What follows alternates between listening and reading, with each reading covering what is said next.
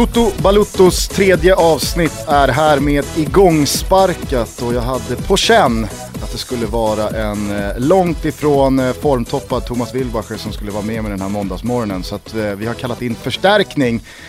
mer om det alldeles strax. Först och främst, hur mår du Thomas? How do you do? Det är väl så man svarar om någon frågar hur mår du? Nej det är ju själva frågan. Ja men det, det är ju väldigt, jag, jag har kompisar som jag aldrig ens frågar hur mår du? För att då kommer en utläggning på en halvtimme. Och det är, jag tror inte de, alltså helt ärligt så tror jag ingen lyssnare är intresserad av hur jag mår. Okej, okay. det har varit en fullspäckad helg i alla fall.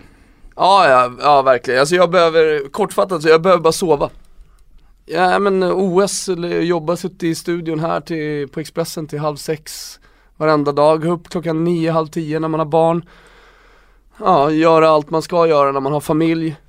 Och så sitter folk hemma och drar sig i pungen och tycker att det är jobbigt att komma till tillställningar man styr upp och försöker ha trevligt. Det är ja. lite det det handlar om liksom. Ni hade premiär på Rish igår. Ja det hade vi och tack till alla som kom, det var fantastiskt på Arja Piccola. Det var helt otroligt. Eh, Svanemar jobbade så han kunde inte komma, vad gjorde du?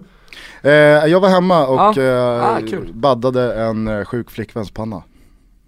En, en fyra år eller?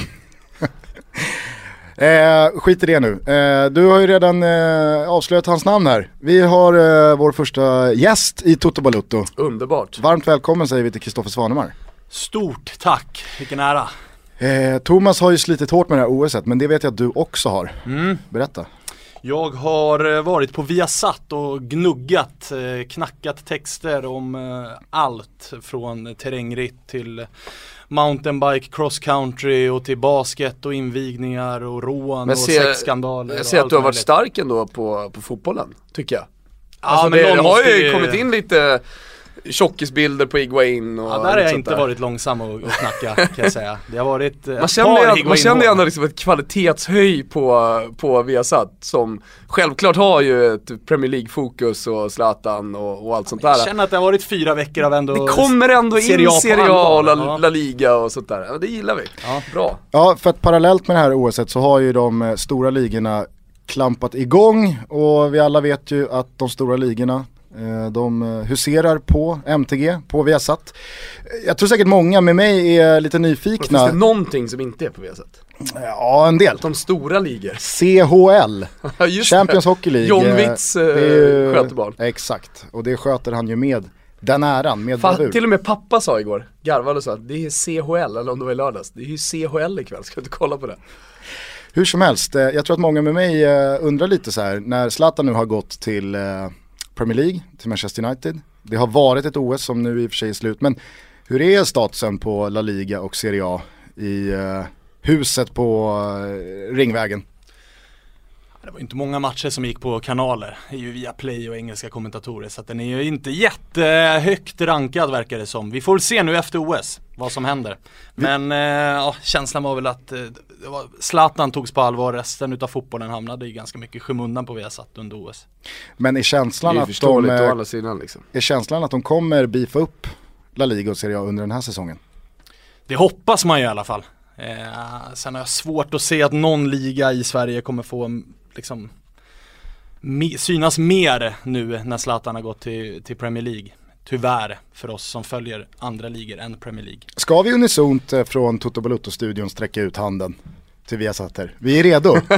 Om det behövs en trojka. Ja men jag står ju här med två, i alla fall ni, ni är ju arbetslösa snart båda två. Det är ju den gemensamma nämnaren. Ja nu, gemensamma nämnaren i den här studion är ju att eh, det är liksom två tragiska livsöden som, Ja och jag satt ju dessutom som i, gör podcast lite. Jag satt ju i 08 fotboll här med Gusten förra veckan och då kallade ja. han ju mig snällt för eh, fotbollsmedias 5 i 3-ragg så att jag hoppas ju att det ringer snart från vi har satt och säger kan du köra Pescara Odine?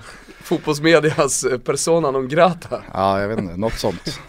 något sånt. Eh, hur som helst, eh, vi känner ju dig väldigt väl. Eh, jag tror säkert många lyssnare eh, har hört din röst förut och gästat oss i Calciomania bland annat. Mm. Eh, men för de som undrar vem Kristoffer Svanemar är så tänkte jag att eh, jag ska kopiera lite Olof Lunds faktaruta. Jag tycker eh, det fortfarande är den bästa stunden på hans poddavsnitt. För där blir det någonstans eh, liksom, lite, lite äkta, lite mm. oväntade svar. Vi börjar då. Mm. Fullständigt namn? Kristoffer Fredrik Svanemar. Trist mellannamn. Ja, Ålder? eh, född 88, Eh, vad är hemma för dig? Solna. Finns det eh, något lag eh, som eh, ligger dig extra varmt om hjärtat? Ja, två. Napoli och AIK. Vilka lag avskyr du? Djurgården och Juventus. Favoritspelare genom alla tider? Ezekiel Lavezzi. Är det någon spelare som du aldrig riktigt har gillat? Gonzalo Higuain, nej jag skojar. Eh, det har jag ju faktiskt gjort. Någon spelare som jag aldrig riktigt har Som gillat. från första stund har petat dig i ögonen. Du kan ju säga Svante Samuelsson här. Ja, han har ju När AIK ben, körde alltså. långa inkast på Svante Samuelsson en hel säsong och långa bollar på Svante Samuelsson, han vann inte en enda nickduell Nej. under en hel säsong. Men han gjorde ändå derbymål. Han är ju, han är ju, ja det gjorde han. Jag vill inte sänka helt Svante Samuelsson, det var ju en taktik också. Mm. Men, men, men det är ju ändå otroligt alltså hur man kan vara så dålig på huvudet när man ändå är så lång. Mm. Sen så fanns det väl någonting som, som skavde i att han hämtades in och gavs binden.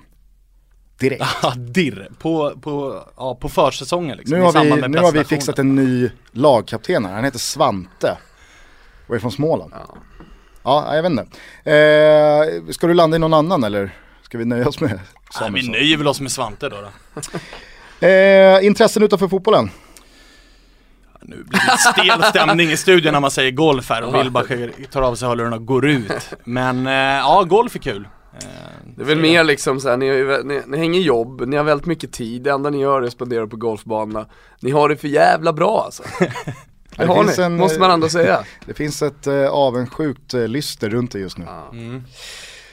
En person utanför fotbollens värld som du eh, ser upp till? Utanför fotbollens värld som jag ser upp till, det är en jävligt bra fråga. Eh, Framförallt nu när man kommer från liksom, har varit all sin vaken tid spenderat på sport så har man inte tänkt så mycket på någonting utanför idrottsvärlden. Men vem kan det vara då? Eh, har vi någon eller? Får, får vi Pass. Några? Ja, pass alltså.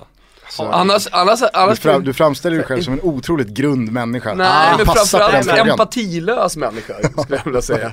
Empatilös och grund. Han hade kunnat sagt pappa. Ja, eller Eller liksom, min- ja men du vet. I alla fall Ja Stefan men klockan Söderberg. är ju före 12 här. Jag har inte riktigt vaknat Nej alltså än i den här frågan kan du inte passa på. Du gör dig själv en otjänst då skulle jag säga. Ja.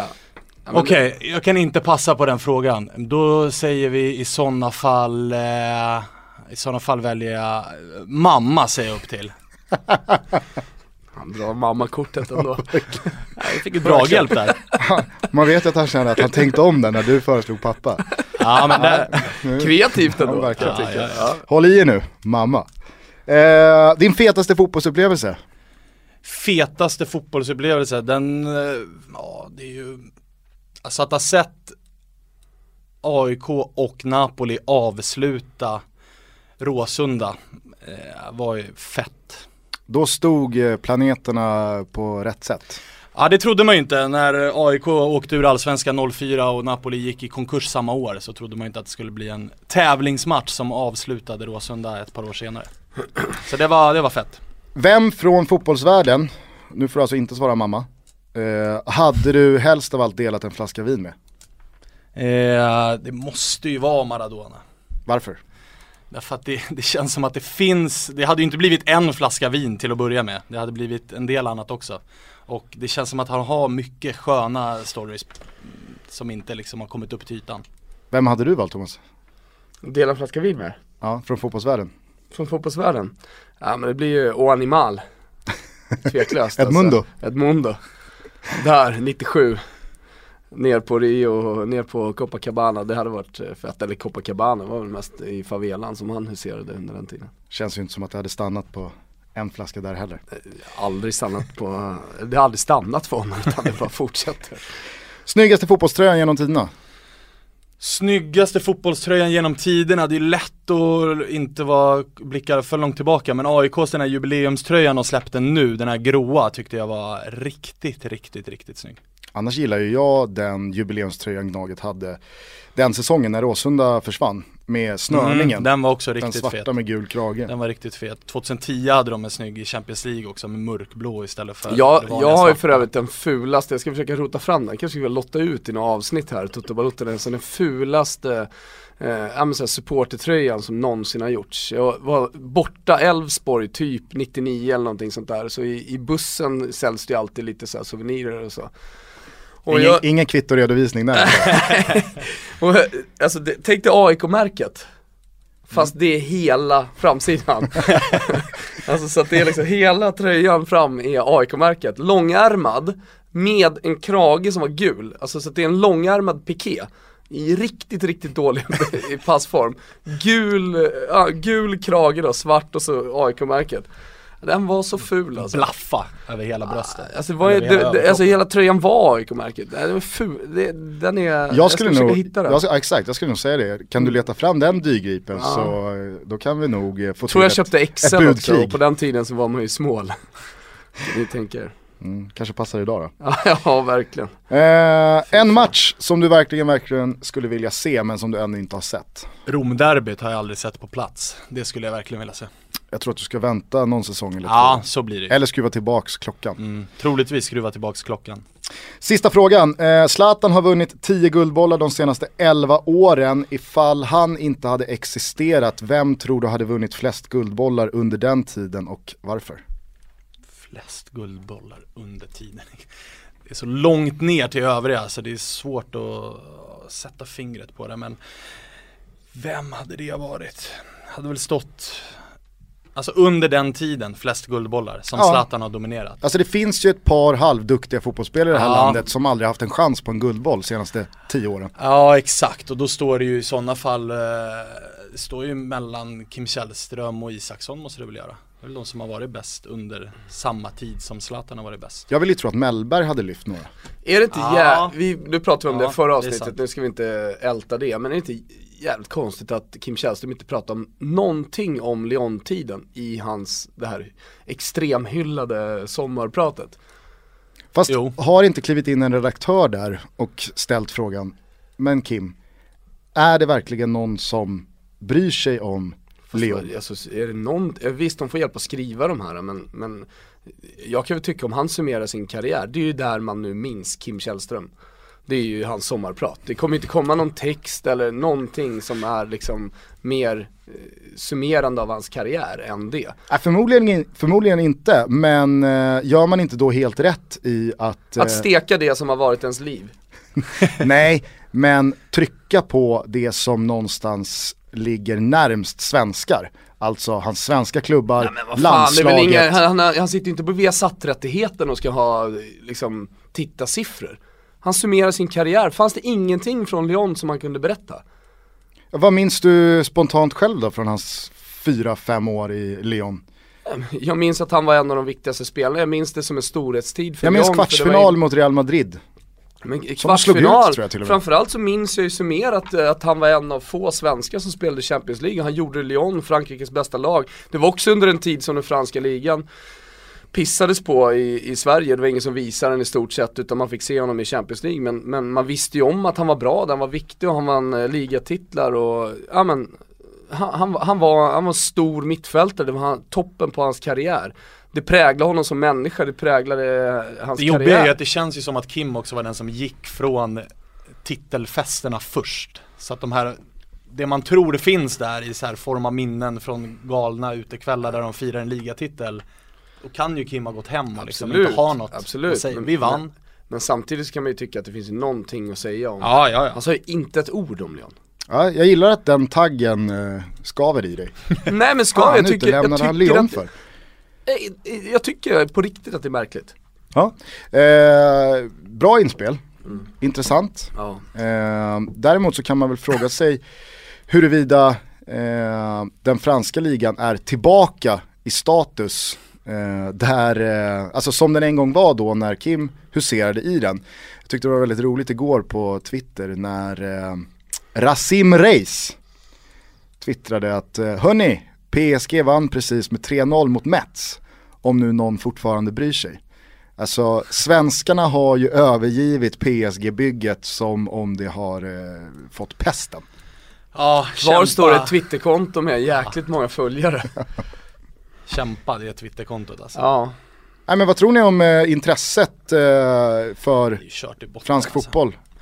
De framöver. hade ju dessutom, PSG hade ju behövt göra några, det trodde man ju skulle hända också, några så här supervärvningar efter att Zlatan har lämnat. Det Hej, har de ju Ben Arfa och Krychowiak. Ja, det är, alltså det är ju fotbollsmässigt eh, bra värvningar men det är inget som lockar liksom den stora fotbollstittarmassan. Däremot så var det fint av Cavani att gå ut och säga att jag hade aldrig gjort som eh, Higuain och gå till Juventus. Tror Det är man lätt väl att säga. riktigt- Ja det är lätt att säga men trodde man ju inte att han skulle framstå som sympatisk så här efter Higuain. Men ja, Maradona var väl också ute och sa samma sak. ja det är klart Mm. men det, det förstår man ju. Tror Han sa i och du, för sig nej till Juve också. Exakt. tror du att eh, Ligue 1 är eh, dött och begravet i Sverige? Alltså det är så dött och begravet att det är helt otroligt att vi står och pratar om det här i Toto Balutta. Ja, det var du som om, drog vi, upp, om vi vill ha lyssnarsiffror. det var du som eh, drog upp den franska fotbollen aktuellt, jag igen. vet inte. Det... Nej jag ville bara, drog upp den franska, jag drog upp Kim Källström för att vi pratade om Kim Källström och tyckte att det var märkligt. För andra avsnittet i rad. Eh, Okej, vi släpper den franska fotbollen då. Eh, jag tänker så här, Kristoffer Svanemar har ju eh, länge etablerat sig som eh, eh, ordentligt inne i den italienska svängen, men kanske framförallt eh, i den eh, svenska fotbollen. Mm. Eh, vi har ju inte eh, hunnit prata så mycket övergripande om eh, allsvenskan under våra två första avsnitt. Som vi för övrigt ska tacka alla för eh, som har lyssnat på. Vilken jävla flygande start vi har fått. Ja verkligen, tack till alla som har hört av sig på hashtag Totobalotto på mail. Många som har mailat också. Några jätte, jättefina mail som, eh, ja men man fick nästan en tår i ögat eh, för, för att de var så härliga och liksom förstående också i en tuff tid som vi ändå haft här under sommaren. Med allt konstigt som har hänt och så. Eh, så tack så jättemycket. Ja, det har värmt otroligt och det är ju många som eh, redan gör det men man kan ju också då följa oss, våra konton på Twitter och Instagram, båda heter Toto Balutto. Vad jag skulle landa i var att vi kanske inte har pratat så mycket övergripande allsvenskan än men med en så bevandrad allsvensk räv som Kristoffer Svanemar. Du sitter ju ändå varje vecka med Daniel Olenklint och gör spelpodden Allsvenskan, eh, skriver previews på Football United om matcherna. Figurerar här och där i eh, 08 Fotboll och eh, gör dina beskärda framträdanden i Expressen Live också. Vad säger du om eh, årets allsvenska säsong när snart två tredjedelar är spelade? Att den är ungefär som förväntat. Malmö visar ändå att de är bättre än resten. Det ska de vara med den truppen och med den skattkistan som är välfylld. Eh, också förvånande att Norrköping är så pass bra fortfarande trots eh, spelartapp och tränarbyten och, och allt vad det är så, så är det imponerande att de är kvar där uppe och är det laget som är närmast Malmö. Det trodde man, jag trodde det inte på förhand. Men eh, beröm till Peking. Ja, Jens Gustafsson och Peter Hunt och Peking har ju redan hämtat ut en eh, schnitzel. Mm, det har de. Andra avsnittet. Eh, jätteimponerande såklart. Sen är det ju också ett bevis på att den truppen var stark. Att det inte var någon bluff, att det inte var någon Leicester eh, engångs, eh, engångsföreteelse. Eh, nu tappade man ju Fransson, men, men ja, det var ju fortfarande en stark trupp som inledde den här, den här allsvenskan. Så att, visst är man förvånad. Jag trodde att Malmö skulle springa iväg mer. Men eh, så länge man får behålla det här, speciellt stommen som känns otroligt eh, trygg så är nog eh, Norrköping med att rä- eh, räkna med framöver. Sen så gäller ju såklart för hela den sportsliga ledningen att eh, förvalta de pengar man får in på spelarköp som vanligt och, och se till att man kan, för det tycker jag är ganska svårt, eller det måste vara väldigt svårt som allsvensk klubb att förstärka en trupp hela tiden när man, när man tappar Mm. spelare till Europa och, och, och sådär. Det man har sett däremot som jag tycker är intressant i årets allsvenska som jag inte tycker har hänt lika mycket tidigare det är att lagen börjar värva av varandra på ett helt annat sätt. Att det är fler spelare som är riktigt bra och som nästan är, som är nyckelspelare i sina lag byter till en annan svensk klubb. Tidigare har det ju gått någon slags eh, det har liksom varit en grej att svenska spelare ska vara såhär, nej jag, jag är den här klubben trogen trots att de inte ens är från staden eller liksom har någon historia med laget förutom att de har gjort två, tre säsonger.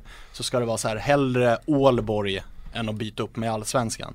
Och det är trist, så att nu, det har varit roligt fönster att få se Crespo går från Örebro till Häcken och DG går från eh, Örebro till Elfsborg och Vi såg ju så Peking vidare. lyfta in Sebastian Andersson från Djurgården. Exakt, sådana värvningar som jag ändå, som jag tycker personligen har Sen gillar man ju saknats. som vi pratade om förra veckan, eh, alltså värvningar där tränare tar med sig spelare. Mm. Eh, Och då i det här fallet Eliasson som följde med Jens Gustafsson till Peking. Mm. Och på det så har det ju dessutom varit flera spelare som har vänt hem men till en annan klubb än sin Ja, inom eh, citationstecken. Precis. Nu senast Nahir Besara som eh, inte kom hem till Bayern och Söder utan eh, landade i Örebro via en detour hos eh, Padibba är Sundsvall. ett bra exempel också. Ja men precis, precis. Så att det, det gör serien mycket mer intressant än vad den har varit tidigare. Eh, öppnar upp det lite. Så att det, det har varit en positiv överraskning i år. Det känns ju dock som att eh, det riktiga dråpslaget kan ske nu för Peking ifall man skulle tappa Totte Nyman under den här gudsförgätna perioden som svensk fotboll har eh, grävt runt sig själv med ett stängt fönster in men ett öppet fönster ut. Försvinner Totte här nu till eh, Tyskland så känns det som att eh, Norrköping kanske tappar den sista kniven i bältet för att utmana Malmö på riktigt. Ja och annars är det ju ännu mer imponerande om man klarar av det. De har alltså tappat, inför säsongen tappar man Fransson, under säsongen Traustason, Kujovic och Nyman. Att man Och dessutom Mitov Nilsson Ja, på långtidsskadelistan. Ska man, är man topp två med det, då är det ju lyfta på hatten. Plus ett tränarbyte. Så det, ja, det blir tungt. Och ja, som jag har förstått det, den här perioden som du är inne på, den är ju tydligen förbundet själva, som, eller SEF, alltså klubbarna själva har bestämt att det ska vara så här. För att ha ett längre fönster under vintern. Någon Där vi har haft- jordens längsta försäsong liksom. Någon som har haft otur när de har tänkt. Och just att ha det Ja, fönstret uppenbarligen alla klubbar har haft otur när de har tänkt. För Ja, det jag- här är ju, det här jag- är ju helt Jag har aldrig riktigt greppat i varför fönstret nödvändigtvis måste vara öppet så jävla länge under vintern. Exakt, För att du kan ju fortfarande sportchefa exakt. under tiden där fönstret är stängt. Sen så räcker det ju med bara fyra eller fem veckor av öppet fönster. Exakt. Ja men lös affärerna innan det då och så väntar man till så att, jaha vad bra, nu är det 10 januari säger vi att fönstret då öppnar. Mm, nu Då kan vi sker de här övergången. övergångarna. Och sen så stänger man det 10 februari eller 15 februari istället för att hålla öppet till början av mars och skjuta sig själv i foten under sommaren Det under är väl inte ens brinnande början av säsong. mars, det är väl en bit in i mars. Ja, ja, ja men precis. För att det är så oerhört märkligt att man från liksom högre ort eh, tillåter en sån här eh, en sån här regel som så uppenbart försvagar Ja, det- svenska det är ju lags att, Det är konkurrenskraft. som att man har glömt bort att eh, den svenska fotbollen är del av eh,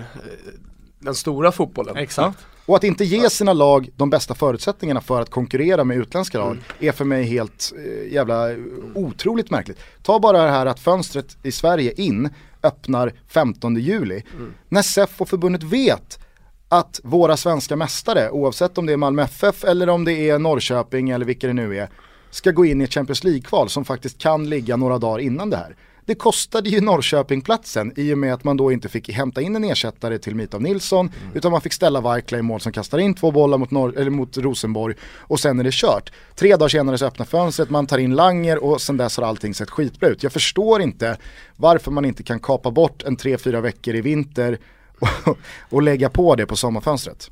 Nej, men det är ju fortfarande det här att Allsvenskan är inte riktigt där liksom, på samma nivå. Det känns som att det är amatörmässigt att det är på det här sättet. Det, alltså, det känns larvigt.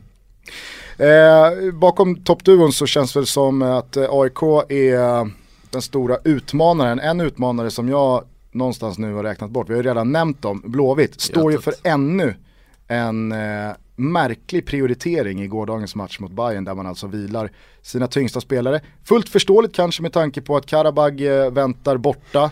Eh, Det är ju om- om 4-0 några Karabak, det vet man ju. Förmodligen, och då känns det ju bara som att, återigen så faller ett svenskt lag offer för att man, Är det Garabag eller Karabag?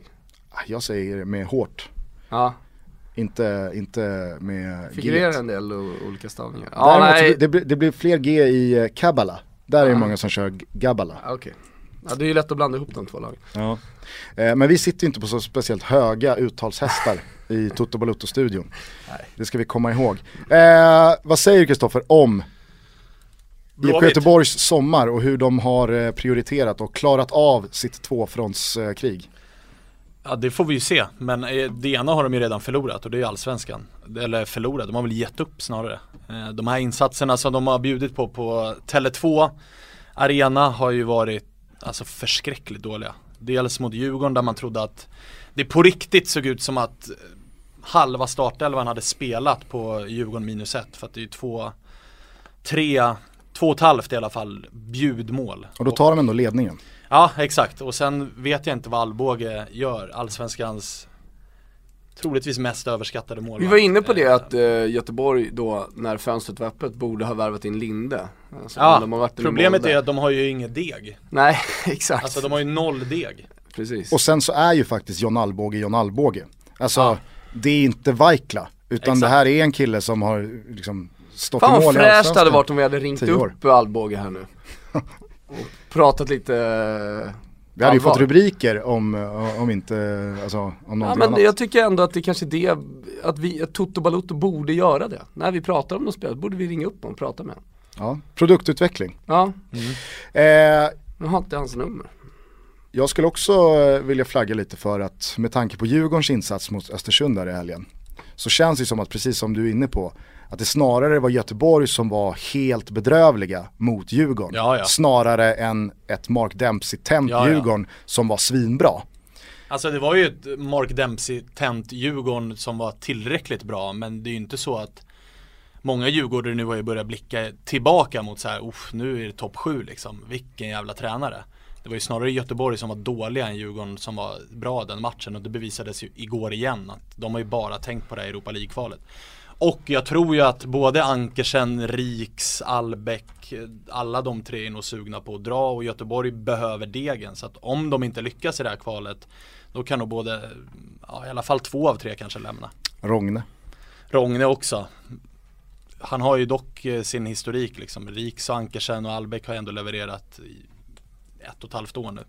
Så att, eh, ja, det, den där matchen är viktig för Göteborg. Löser de inte den så är det ju en misslyckad säsong.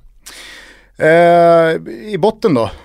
Då är det väl eh, inte kanske så mycket att säga om att Falkenberg är där, att Gävle till slut någon gång skulle få det jävligt tufft. Den stora besvikelsen, den kanske största besviken, är väl ändå Helsingborg.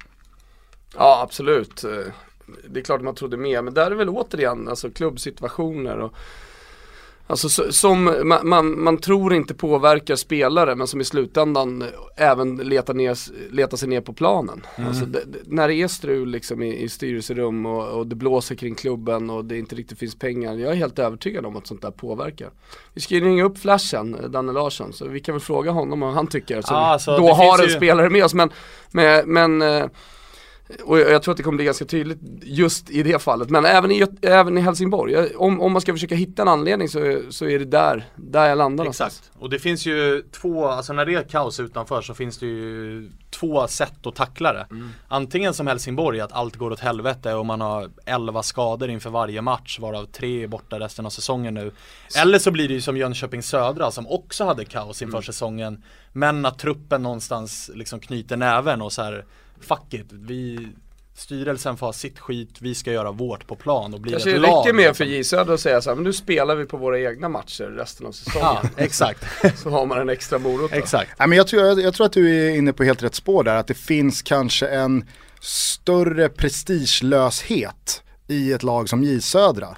Där har du inte spelare och namn som kanske känner att jag, jag är för bra för det här, Exakt. Jag är inte som värdig det här. storklubb så blir det alltid jobbigare. Så är det Ja, det, går ju, inte- det går ju att applicera på Dels många, det, men jag kan tänka mig att det finns många spelare klubbar i de stora ligorna Och också. det funkar ju inte i Helsingborg när spelare som liksom Jordan Larsson, han det är en talang men han ska ju vara liksom superkey.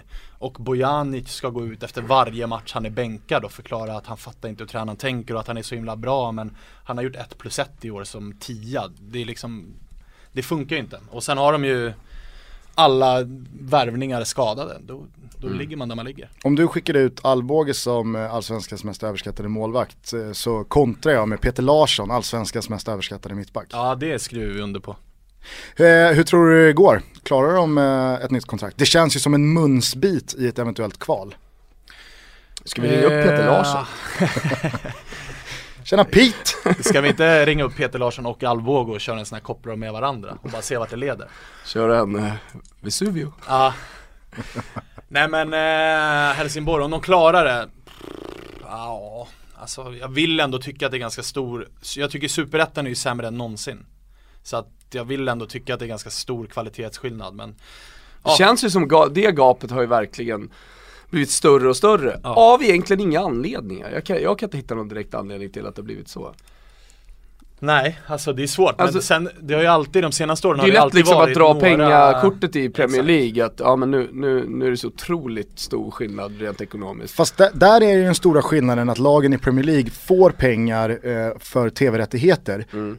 Jag skulle däremot skriva under alla dagar i veckan på att den stora skillnaden mellan allsvenskan och superettan är ekonomi. Men där är ju anledningen till att superettan-klubbar fuckar upp sin egen ekonomi. Jag menar du har klubbar som Öster, Trelleborg, Örgryte, Gais. Öster, det är ju Conchas nya. Concha är där och han får väl styra upp de här grejerna. Jag håller ju på Öster nu. Men vad jag menar är att Du vet att Concha, det är vår gubbe, min Augustas. Riktigt bra. Riktigt bra kille. Borriello, Fellaini och Mattias Concha. Mattias. Bra trio Ja, han tar sig in i Toto Baluttos gäng. Nej men där finns det ju, där finns det ju klubbar som inte direkt har eh, aceat sitt ekonomiska game. Och det går ju då att hamna efter pengamässigt på det sättet också. Så att jag håller med om att kvalitetsmässigt så är ju superettan bakom men det är ju dessutom Vi, vilket också skapar då en väldigt intressant situation för att då är helt plötsligt eh, klubbar som egentligen inte borde ha möjligheten, har möjligheten att ta sig upp genom ett bra sportsligt projekt, genom att, som att eh, Atletic till exempel som, som målmedvetet eh, liksom eh, passionerat, eh, väldigt, väldigt eh, eh, till skillnad från många andra klubbar liksom elitsatsande, alltså de har ju, de har ju Ja, de har ju det- gått en raka motsatsen mot eh, hur, rent eh, om man kollar politiskt, eh, ja men rent politiskt hur det har sett ut, eh, att man inte ska räkna resultat och allt sånt där, så har Mm. ju Atletic gjort precis tvärtom. Framförallt så pissar de ju på allting eh, legio vad gäller eh, liksom, hur man gör i Sverige. Exakt. När de märker att hej, fan, fan vi kanske ska dra till Eskilstuna istället. Där är det bättre business. Ja. Och bara flyttar hela klubben. Det säger ju någonting om hur kallblodiga de är Ja, ja, ja. i sitt sätt Och att här se finns på det ju sig såklart själv den så som här, business. eh, moderna fotbollen, disclaimer och, och allt det där. Men, men bortser vi från det så tycker jag att det är, det är ett Ja, fräscht det är- exakt. Det fotbollsprojekt. finns, ju, det finns ju tre lag i Superettan som ändå är liksom intressanta och som bör ändå vara med i snacket om en allsvenska och det är ju Sirius eftersom Mm. det är Uppsala en utav, en utav Också ett storstäderna. långsiktigt Exakt, projekt som, som börjar ge börjar resultat. falla, ja. Behövs en ny arena där som är på gång och dit även Dalkurd som är det Och som tredje också laget Eskilst- ja, eh, exakt. Som ändå är intressanta. Det är ju AFC, Sirius och eh, Dalkurd som ändå som bör kunna vara och nosa på allsvenskt spel och kan man byta ut dem mot, eh, mot Falkenberg till exempel, något utav dem så, så vad, tycker vad jag nog heter, ändå att vad heter han ryssen som ligger bakom AFC? Nej han heter ju Ryssholm. Ryssholm, Han är inte ryss. Han Men heter jo, bara det finns ryska pengar bakom.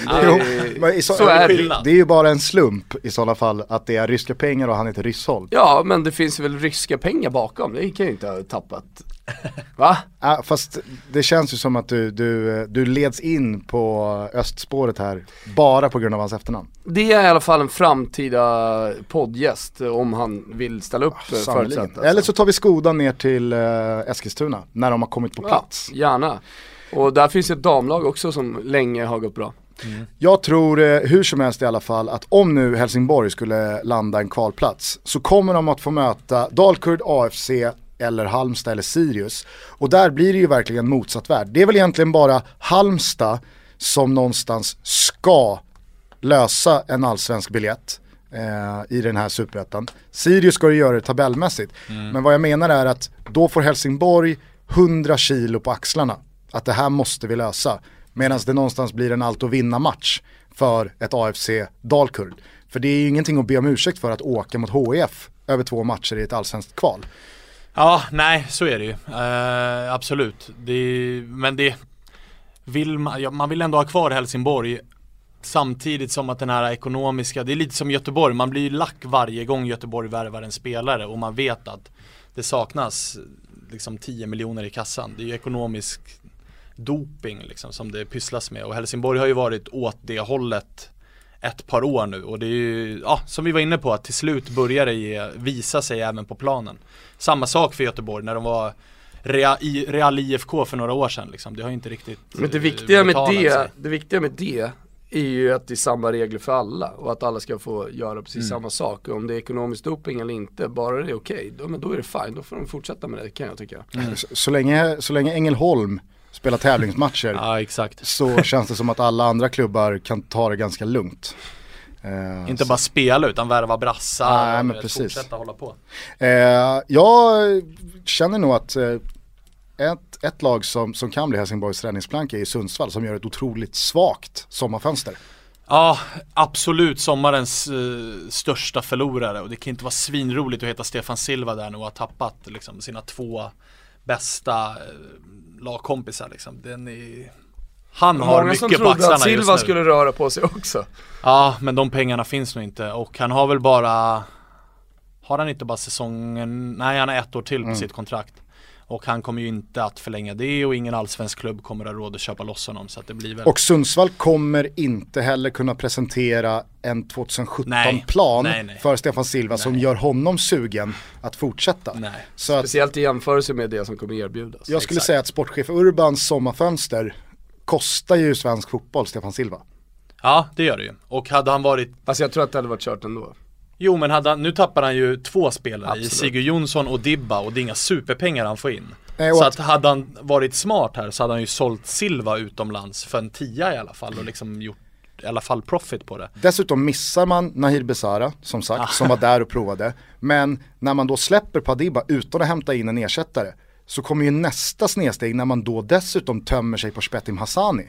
Ja, Som är tredje anfallare, fjärde anfallare. mm, nu står man där med Eklund. Ja, så att eh, nej, Sundsvall eh, de, eh, de, lever farligt. Absolut. Sen kan man gå 10 miljoner plus och det är skitkul. Men hur roligt är det ifall det skulle kosta en allsvensk eh, plats? Precis. Innan vi lämnar allsvenskan, eh, en eller två eh, spelare du vill puffa lite extra för under den här säsongen som du tycker har eh, gjort någonting med dig, tagit dig med storm, Ja. dansat med ditt hjärta. Det är ju, en utav dem kommer ni inte bli särskilt förvånade. Eh, det är ju Sundgren. Daniel Sundgren. Det är ju nästa, nästa eh, högerback i landslaget. Gjorde sin femte assist igår. Eh, och Ja, men vilken är ju utveckling, faktiskt, det måste vi ändå alltså, säga. det är det vi- årets värvning? Jag Han kommer att- gratis från, från Degerfors och är, och är liksom given till höger i AIK nu.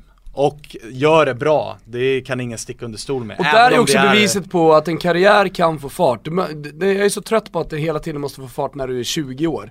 Du ska hela tiden, karriären ska vara spikrak. Mm. Och så ska den bara liksom gå framåt. Där har, en, där har du faktiskt en kille, oavsett eh, om du känner honom eller inte, men där har du en kille som har kämpat och slitit och eh, liksom, det kan inte vara helt lätt att gå från AIKs akademi, vara en ung talang, med pappa och sen liksom få gå ner och köra i, i superettan och känna att Ja men fan, det kanske inte finns ett, en allsvenskan för mig och börja titta på Och alternativ till och med när liksom. du blir värvad till AIK gratis får höra att ja men du är ju Garys grabb, det är klart att Ja. du ska vara här någonstans. Men, men, men alltså jag, jag minns en tid liksom när du och jag kollade på Lega Pro-klubbar liksom till, till, till Sundgren. Exakt, det fanns ju en sån tid också. Ja, Nu är där han- liksom det var så här, men låt mig i alla fall få en erfarenhet från, från min fotbollskarriär.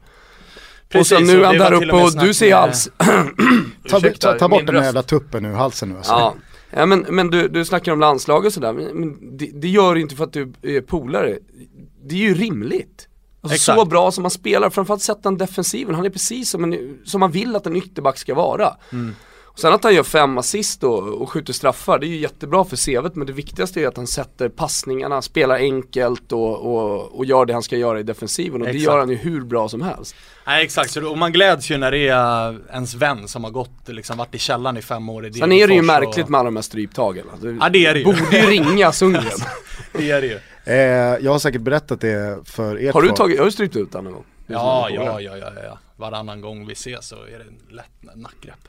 Jag har säkert berättat det för er två men jag, jag, jag kände nu att det, det, det är en poddvärdig anekdot. Jag landslagsdebuterade ju på seniornivå i höstas när eh, Rami Nouri eh, Hade fått 10 nej och var tvungen att ringa in någon jävel. förbundskapten, Gusten, hur ligger du till med kilorna? förbundskapten Inte bra. Rami Kom i alla Nouri, fall. han skickade ut mejlet. Vi behöver hjälp. Eh, det är kval Mm. Har Niklas Holmgren kunnat göra liksom, landslaget för, för presslaget så, så i och för sig allt möjligt. Hur som helst, det var då landskamp mot eh, Danmark, det var ju i samband med eh, EM-playoffet. så var danskarna här uppe på Stadshagen. Riktig regnsnålblåst eh, som intog den planen som alltid. Men eh, alltså ställer vi upp där, eh, Nori vill ju spela 3-5-2. Jag ska gå ut till höger som Att man ytterforward. ens pratar taktik. Att man ens drar 3-5-2 kortet liksom när man ska spela en pressmatch. Jag varnar i alla Han fall. har, man vet att han har legat och funderat bara det också. Hur ska vi spela? Vad har jag för, vad har jag för Vad har jag att spelmaterial? tillgå? Vad har jag att tillgå? Nej, det blir 3-5-2. Det är kanske Då största... fick du en Det kan- kant! Exakt! Det Det är, det, är helt sjukt alltså. det är det, det största underbetyget. Okej att, Herregud. okej att han ligger och dribblar med I formationer. ett 3-5-2 dessutom. Ja. Hur som helst så Herregud, sätter han mig det är du och ut till höger. Liksom. Det är skillnad på lunga. Ja, verkligen. Ja. Hur som helst, han sätter mig till höger och jag känner att det här kan, eh, det här kan bli jobbigt.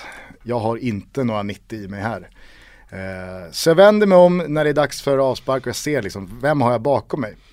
Och så där, där står jag en högerback som, fan, fan jag känner igen den här snubben alltså. Vad fan är, alltså, och, och, Uppenbarligen så var det ju ingen stor samling innan med uppvärmning och hälsa Nej, på nej, nej, varandra. nej, nej, nej, du kom eh, i skruvdobben liksom. typ fem minuter innan avspark. Men det är så svårt att eh, få poletten att trilla ner när det är utanför sitt sammanhang. För jag tänker ju då bara så här, var har jag jobbat någonstans med den här personen? Eller vilken kanal har jag sett den här killen på? Eller vilken tidning har han skrivit på? Är det Expressen? Eller har jag sett honom i något pressrum eller något sådär? Men då är det ju Daniel Sundgren. För att Gary har ju ringts in och sen så är vi någon gubbe kort. Så att eh, Gary har väl ringt då Vet man att han mellan... pröjsat en femma till Gary? Ja. Mellan två klubbar då, för det här var ju precis innan han gick till Gnaget då från Degerfors. Så att jag tror inte han bröt, jag, jag säljer ju inte ut eh, Sundgren här nu att han har eh, eh, liksom Kontraktsbrott. bränt Vet, Björn vet, vet, vi om. Sundgren tog, eh, om han fick betalt för matchen? Vilken match? Ja, pressmatchen här. Det kan han nog ha fått ja. Borde jag ändå ringa Sundgren känner jag. Hur som helst så går jag fram till den här snubben, eh, som alltså är Daniel Sundgren, som ska spela högerback bakom mig. Och så, och så säger jag bara du vet, tröjan stramar ju åt över kaggen. Jag är liksom ganska så sliten. Eh, Självförtroendet är inte på topp. Nej, Nej. men jag tänker att nu gäller det att ta den här killen och positionera sig mot. Visa vem det är som bestämmer. Så att jag nickar bara med huvudet, går fram till honom och säger Tjena, eh, har du lirat förut eller? har, li- har du lirat mycket? Och han säger, han, vet, han, han, han var ju skön och sa inte att jo jag har fem säsonger i superettan här eh, bakom mig. Utan han sa jo men jag har spelat en del liksom. Och då säger jag bara Okej, ja men för att eh, jag har koll, så styr mig. styr mig hur du vill. Så tar det ju två minuter innan, no, eh, innan eh, någon eh, säger på plan liksom. Ändå jävligt mäktigt alltså, Gary och Daniel Sundgren i backlinjen. Och känner bara fan, det var Daniel Sundgren. Som jag gick fram till och frågade om han har lirat förut och styr mig. Styr mig. Eh, innan vi stänger allsvenska spåret, var det någon spelare till du vill eh, bara Vi har varit inne på honom, Stefan för. Silva. Mm. Han är... Det grämer mig något oerhört att han inte spelar i AIK. Eh, det är det säkert många gnagare som skriver under på. Nu släpper vi eh, Svezia. Premiär för eh, Serie A och eh, La Liga den här helgen. Eh, Thomas, ni hade samling på Rish igår, Arja Piccola. Stämmer. Eh, vill du puffa lite för det? Nej, men jag, jag tror att många som följer den här podden följer också mig på sociala medier och det kan man inte ha undgått att, eh, att det var en tillställning. Och det kommer vara, men det är i alla fall kul att det kom så mycket folk och tack till alla som kom återigen. Och, och det var, eh, ja, men det som vi kallar för häng, det var ett otroligt trevligt häng. Eh, det är bara att komma dit, eh, äta, bara ta ett glas vatten om man känner för det. Men alla, är- alla är verkligen välkomna, vi kör hela säsongen. Ehm, och sen så tycker jag också att det, det var på sin plats att, att styra upp ett ställe som inte är O'Learys och så, som inte är det här klassiska pubhänget. Eh, det blir ju lätt så när man tänker italiensk fotboll eh, att, att man söker sig till en pizzeria på ett annat sätt och Ensos har ju varit populärt. Men eh, för, för min del så letade jag efter ett ställe som, som var likt där jag var i Florens när, när, när jag bodde där. Eh, och, och där tycker jag Rish, eller det har, det har varit i flera år, lilla baren på Rish, det är närmaste man kommer. Vad Och- du än letar efter så brukar du ju hitta det på lilla baren. Ja, där, där kan man hitta mig, helt klart alltså. Eh, sen jobbar ju Frans där, Sampdoria Sport, en kompis till mig också, så det finns ju alltid någon att prata med. Sen har de ju, det är jävligt synd, det måste jag ändå säga alltså. Att eh, de, de har ju haft en eh, barnisse alltså som plockar glas och sådär. Lojal, trogen, skön från Bolivia. Han har åkt hem nu och det, jag märker att det är tomt på Rish när han inte är där. Men han, hans grej var ju att han, han bytte alltid lag va. Så att första gången jag träffade honom så var det stenhård Barca, så det var ju bara när man träffade honom, Barca, Barca, Barca. Eftersom de alltid vinner ju Barca, så det var ju, fanns ju alltid en seger att fira så att säga. Sen eh, när Barcelona åkte ur Champions League, då bytte han ju till Real Madrid istället. Och sen var det ju tal om Manchester City för att Pep Guardiola hade gått dit. Och han, han gör det också skamlöst. Utan uh, han, han, han, byter bara rätt av. Hellre det än folk som smyger med det. Men nu, nu jag har, har liksom, ju alltid hållit på PSG. nu har han styr, gillat dem alltså. nu har han sparat varenda sekin, dragit hem till Bolivia och misstänker att han lever livet. Och det är han värd. Ja, ändå. kul. Vad säger du om omgången då? Premiäromgången. Som i och för Härlig. sig sparkade igång redan på Alltså lördagskvällen. jämför den med Premier League-omgången som startade veckan innan, alltså om man pratar om premiäromgångar så var det ju och det tror jag säger som objektiv trots allt eh, en, en sprakande inledning med många, många sköna matcher. Alltså vi fick se ett Roma som flög, vi fick se ett hatmöte. Flög gjorde de inte kan jag säga. Nej, de vann med 4-0, det räcker för, för, för, att fly, alltså, för att få flyga för mig. Eh, och, sen, eh, och sen då ett hatmöte första eh, med ett Juventus som verkligen spände musklerna. Och, och sen då går, gårdagen, alltså med det som började med Milan Toro 18.00 och sen blev då Pescara Napoli 2-2, ett Kevo som gör det Kevo alltid gör. Och framförallt mot Inter. Jag har ju sett eh, jag har ju faktiskt eh, sett när Benitez fick sparken, eh, när Moscardelli sänkte Inter på Bentegodi. Det som blev liksom droppen som fick bägaren att rinna över för eh, Benites del. Eh, Gasperini fick ju också kicken efter eh, Medjorini-mål eh, för, för Kievos del. Och sen nu då, Frank de Boer som inleder med, med, med en torsk. Det, ja, det är någonting med Kievo och, eh, och Inter uppenbarligen. Men det fanns många ingredienser igår eh, som gör att den, den här Serie A-säsongen trots allt känns jäkligt, jäkligt skön och det ska bli kul att följa den. Vad säger du? Jag håller med. Eh, allting, eh, alltså allting annat än vilka som vinner blir jävligt, jävligt intressant. Eh, framförallt så går det inte att, alltså, man måste imponeras av Juventus, hur mycket jag än ogillar dem så Det är ett reservbetonat Juventus som bara går ut och, och gör det de ska och det är så här de kommer göra hela säsongen. De har pratat om det hur länge som helst nu att Europa är liksom, vi ska, vi ska slåss ordentligt om CL, det är det som är målet. Serie A räknar de liksom, de räknar hem det redan. Och det visar de när de de tar det lugnt och gör det som krävs mot Fiorentina. Och ställer över Pjanic Higuain är för fet så de byter in honom och han gör det han ska göra, han gör mål direkt. Givetvis, det var ju skrivet i stjärnorna så att det Det visste man ju på förhand. Och man visste att Anel Avdic skulle komma med sina fem stjärnor på Twitter. Det var ju också givet så att, eh, nej det var en, det var en det var en bra första omgång med, som gav mycket svar och, och mycket är som det alltid har varit liksom. Det går inte för topplagen på Bentegård, det, det, så är det. Eh, jag, det, märk väl, ni vet vad Kevo har, du vet vad Kevo har värvat? Sorrentino. Sorrentino. ah, That's it. och sen så, eh, jag menar, eh, Det är samma gubbar, det är Gamberini i backlinjen och och, så, vet Bostian Caesar. och så vet vi vad han har för Gobbi högsta nivån, eh, Heter super, Maj på mitten. super Walter Birsa. Ja, Det räcker det räcker. Och så Maran på, på bänken. Ja, framförallt Maran på bänken. Som Men- jag i vintras pushade för som ett eh, Ja, ordentligt alternativ till eh, förbundskaptensposten här i Sverige. Mm. Jag tror han hade gjort succé. Eh, två lag som eh, också eh, har eh, lyfts i Toto Balutto, kanske framförallt Torino då. Mm. Eh, och Milan möttes. Torino känns betydligt mer osäkert. Jag vet att jag sparkade liksom, ah, ja, men jag, jag, jag hyllade ju dem och deras eh, sommarfönster.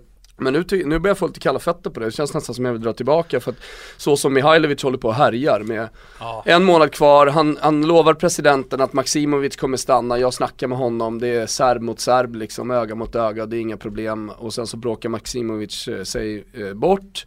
Med största sannolikhet, i alla fall tar det ett tag innan han kommer spela igen under eh, en liksom envis och, och kanske lite långsynt också Mihailovic. Och sen dessutom hela situationen med Ponne. Eh, som hade varit igår väldigt, väldigt eh, välbehövlig. Istället tar man in en Rossettini eh, som jag inte fattar alltså var projektet är på väg i så fall. Så, så att jag, jag, känner, har absolut inte lika starka känslor för Torino som jag hade där och då.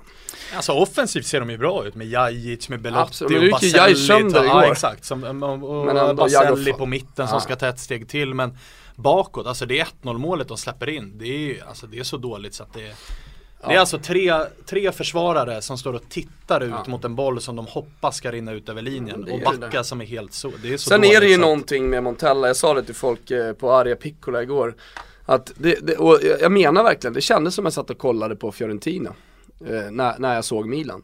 Det är Montella alltså, han har väldigt, väldigt tydligt sätt att spela fotboll på, eller hans lag har väldigt tydligt sätt att spela fotboll på. Och man vet att det är aldrig över. Det kan alltid kommas igen. Mm. Vet, man minns ett Parma, Gobbi 93, enda målchansen var inte ens en målchans men det blir 1-1 trots allt. Uh, och sen igår så blir det, det blir lidelse hela vägen in och så får man ju såklart den straffen. Jag tyckte det var väldigt symptomatiskt. Det, jag sa det till Milan-folket uh, som var där. Vänjer med det här för det är så här det kommer se ut. Det kommer inte, det kommer inte sättas ett försvar vad det lider, utan det är så här. Jag vet inte vad ni säger, men det känns eh, som oerhört länge sedan jag såg ett lag i Serie A ha så många placeringars skillnad i en spelare. Och då tänker jag på eh, Milan och eh, Carlos Bacca. Det känns ju som att Carlos Bacca är skillnaden på kanske liksom Europastrid för Milan. Ja, Europastrid borde de ju greja. Exakt, med ja. Bacca. Men lyft, Champions League-strid lyft, Lyfter ut Bacca från det här Milan. Stoppar in Luis Adriano där istället. Nej, så, har du, så har du ett mittenlag. Du har ju en Lapadula ah, ja, ja. som snart kommer tillbaka, det blir intressant. Det Nej, men förstår, förstår ni vad jag menar? Det, att det är liksom oerhört absolut. mycket MVP på absolut. Carlos Bacca. Absolut, det är den enda toppspelaren.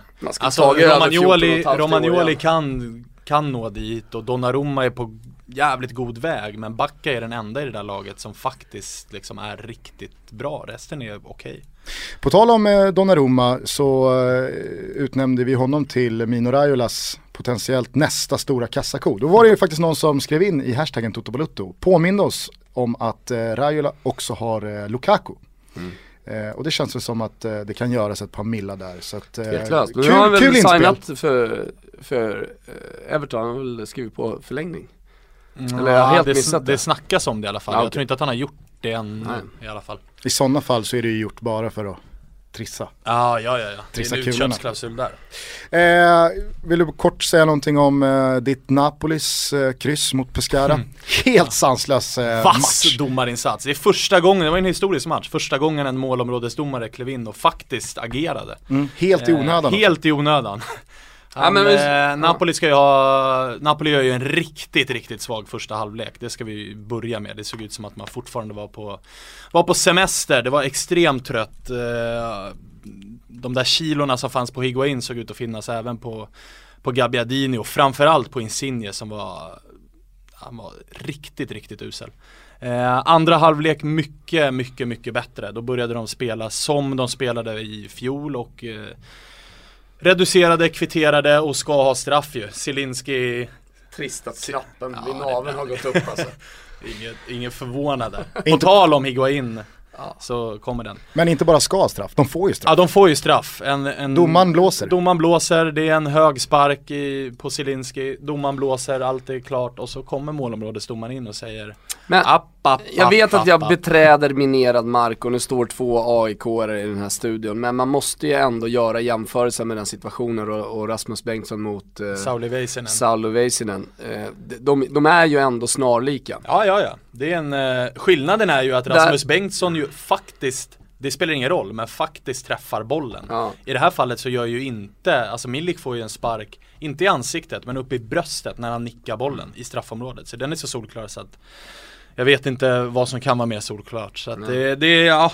Det fortsätter ju dock för Väisänen. Det är en riktigt ah. tuff straff eh, som domaren blåser för Örebro då. När Sauli Väisänen, som en mittback gör i det där läget, såklart har kroppskontakt. Ja, den är eh, så, det är den Sen är det ju, Jag sen har är ju det, en tung dag straffmässigt igår. sen är det väl lite, lite glädje ändå att, eh, för Weisen ändå, att det är Pertan Karlsson som får det gula Ja. kortet och fattar ingenting. Också väldigt Per Karlsson att inte tjafsa emot. Jaha, Nej. okej. Jag tar den. Ja, ja, jag har inte gjort någonting jag har inte rört en spelare, helt plötsligt får jag gult kort, men eh, det är säkert rätt. Men det är fin karma att den straffen missades, för Ja. det var ju inte straff. Absolut. Nej men, eh, Hur som helst, Napoli, spelmässigt så kanske man inte förtjänade mer än ett kryss. Eh, däremot så, så ska man ha den straffen. Eh, så det, det märktes ganska tydligt att det, det finns att jobba på, Ett kort ord om Pescara, härligt med ett lag som satsar på unga talanger. verkligen. Eh, italienska talanger dessutom och gör, göra det de ändå gjorde igår. Sen vet jag ju såklart om att eh, det är ju inledningen på säsongen, det, det är de små lagen, det är ny, nykomlingarnas tid. Men ändå, eh, jag hyllar, hyllar ändå projektet och satsningen för man hade Mm. faktiskt ha- haft pengar, man hade kunnat gjort en annan typ av satsning men nu gör man Verkligen. det här istället. Verkligen. Ja, och det hade ju varit en sak ifall de hade blåst på fullt ställ hemma mot eh, Kievo i Mm. premiären. Nu är det ändå Napoli som kommer dit och ändå så skickar Oddo ut liksom, det laget, Ja, ja. den matchplanen. Och dessutom så gjorde man ju igår klart med PSG-talangen Ja, den är Bahebek ju, sinnessjuk. den är riktigt stökig. Men där får vi väl anta att Verratti, det var ju hans första ord, jag är glad att vara här Ja. på samma, i samma lag som Verratti fostrade. Så att han har ju haft ett finger lite i det spelet. agent. Jag har en eh, kort fråga, nu kanske man inte ska dra några större växlar av eh, Miliks eh, knappa halvtimme, men jag tycker däremot det finns växlar att dra av Dries Mertens inhopp. Blir det här säsongen som Mertens tar sig in i elvan för att stanna? Den evige inhopparen Dries Som Mert- Mertens. ja exakt, han är, ju, han är ju som bäst, han har ju aldrig varit bra när han har startat en match, aldrig. Men när han hoppar in så ser han ut att vara bäst i världen varje gång. Så att det, jag hoppas det, jag gillar Mertens Alltså något otroligt. Tyvärr är det ju liksom han eller Insigne. Det funkar ju inte med båda. Det har aldrig gjort det. Så att eh, man hoppas det. Däremot så fanns det ju två frågetecken. De två spelare som är i klubben men som har ryktats bort är ju Insigne och Koulibaly. Båda vill ha Insigne vill liksom ta över Higuains kontrakt på 6,5 mille per år.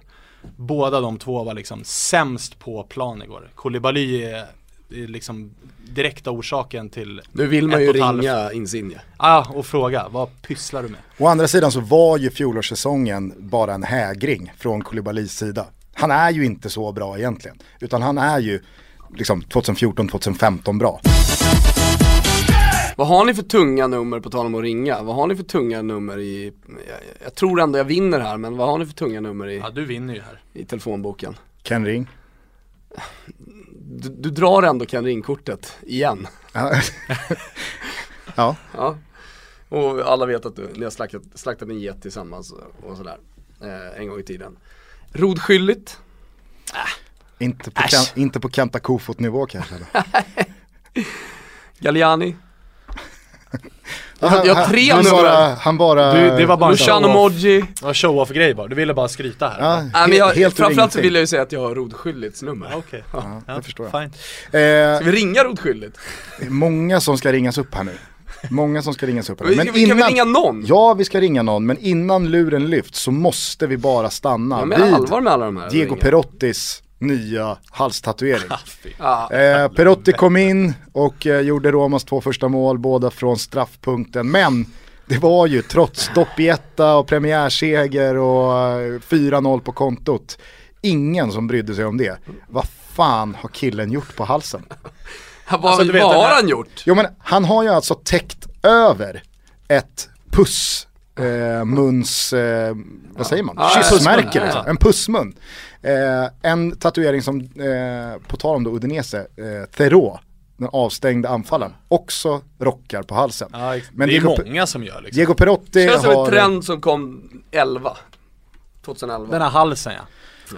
Åh, märkligt sent. Eh, hur som helst, Diego Perotti har alltså haft en eh, blodröd kyssmun tatuerad på halsen och har nu i sommar valt att eh, täcka över den. Med, in, inte ta bort den med laser, lägga pengar på det för att herregud, han, han har väl inte sekinerna till det. Eh, utan han tänker att nej, vi fläskar på istället. Vi ska, vi ska mörka det här.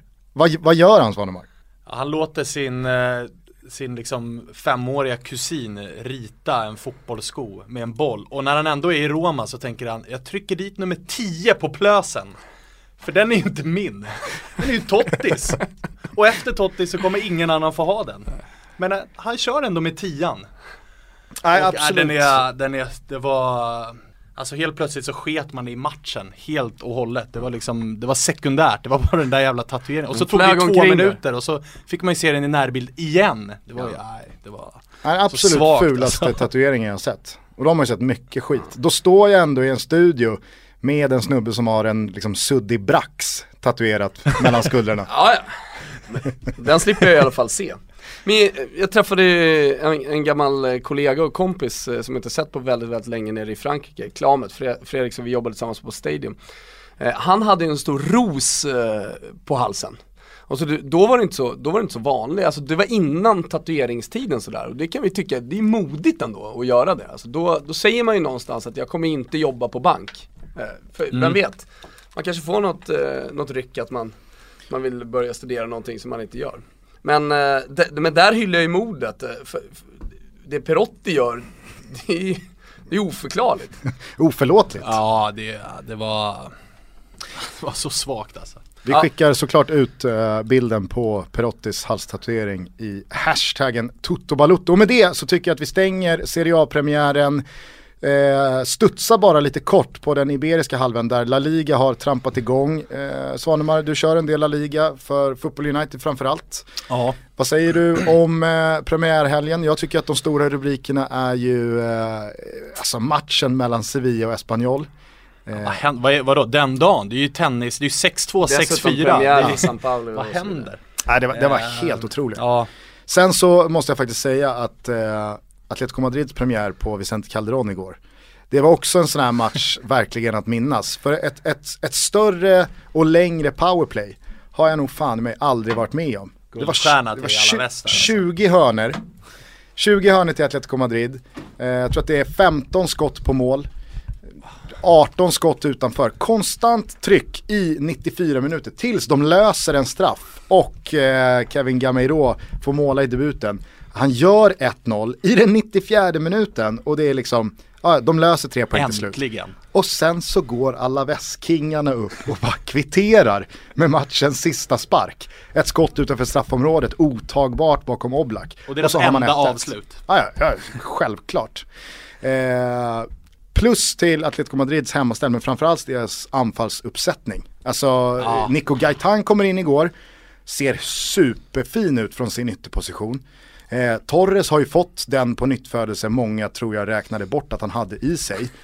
Kvar finns Griezmann, men man har dessutom kryddat med eh, Kevin Gameiro och där finns eh, Carrasco också. Så att Atletico Madrid, alltså, Du vet att Jan Svanemar har ju, hade ju för, eh, ja när Cherchi gick motsatt väg, alltså när de bytte där Hade vi ju en liten, eh, inte en beef men, men vi tyckte olika så att säga Jag sa att Milan eh, gjorde en superaffär Bli av med Torres och sen så få in då, eh, som jag tyckte, en jättebra spelare som skulle passa perfekt in i det Milan alla vet ju vad som har hänt med Cherchi, eller ja, ingen vet vad som har hänt med Cherchi Exakt. för det är ingen som ser honom. Eh, samtidigt som Torres då, eh, ja, eh, spelar Champions League-finaler och eh, är en nyckelspelare i Atletico Madrid. Så big up Svanen, du hade rätt, Såg jag hade man. fel. Såg man. Det är sällan jag har rätt, men den gången tyckte jag faktiskt att Det är sällan jag har fel, men just den gången hade jag det. ja. Vad säger du eh, mer om eh, La Liga-premiären? Eh, premiären i sig var väl eh, egentligen hyggligt väntad, att Barca skulle gå ut och liksom köra över, det visste man väl och eh, kul ändå att Real liksom släpper fram spelare som Asensio som går och gör ett, ett supermål. De behöver ju, de har ju varit relativt usla på att plocka fram sina egna spelare och nu får vi väl hoppas i alla fall att det är en sån. Det känns ju ändå som att så här, vad är Zidane för tränare? Exakt, vad kommer bli hans bli, tränargärning eh, lite grann Det i Real Madrid? den här, det är det som är Kanske är det det. Det är nöten den här Mm. säsongen. Barca har ju lärt sig av, jag skrev en krönika om det på Football United, att Barcas förra år så vart man ju lidande av att truppen var för tunn. Det fanns inte spelare att rotera på. Nu har man värvat ganska rejält liksom och fyllt på, inte startelvan, den kommer ju vara intakt förutom Dani Alves out. Men i övrigt så har man ju fyllt på med bredd som man kan snurra lite, vilket är smart. Real har ju inte gjort någonting egentligen, förutom att plocka tillbaka Morata. Som och det behöver vettig. liksom det, behöv, inte, det, behöver inte vara fel och Nej, dessutom det är rätt. Morata är ju precis en gubbe i, i samma, samma anda, alltså en, en eh, Real Madrid-talang som Precis. kommer tillbaka. Precis, och han, kommer, han och Benzema kommer kunna snurra där. Men i övrigt så Zidans första liksom ordentliga försäsong har fått förbereda sig. Det ska bli intressant att se vad han kan göra, om han är på riktigt som en tränare eller om det bara var vi tar han för att det varit billigt, bra, han är legend, det är Zidane. Eh, så det kommer bli intressant att se den här säsongen hur bra Zidane verkligen är liksom. Och han fick ju en bra start så det blir spännande. Är det eh, likt allsvenskan där någon eh, spelare som du har ögonen lite extra på? Vi har ju redan lyft Santimina här Ja, Santimina i Valencia. är fin. Han kommer, han kommer nog göra det bra. Eh, sen så, nu är ju inte Alcacer klar för Barca ännu men jag gillar ju honom så jag hoppas att han blir kvar i Valencia. Då borde de ändå kunna sikta uppåt igen. Fjolåret var ju ett rejält fiasko för Valencia, som är ett lag som jag gillar annars. Sen ska det ju bli kul att se Kevin Prince, Las Palmas. Ja, visst. Eh, det blir fint. Det känns ju som att eh, Paco Alcacer bör ha lärt sig någonting av Arda Torans flytt till Mm. Barca. Verkligen, och det var ju därför också Kevin Gameiro gick till Atletico. Han gick ut och sa eh, efter den övergången att, för det fanns ju konkret från Barca. Gick han ut och sa att jag hade hellre stannat i Sevilla för att i Barca hade jag inte fått lira en sekund.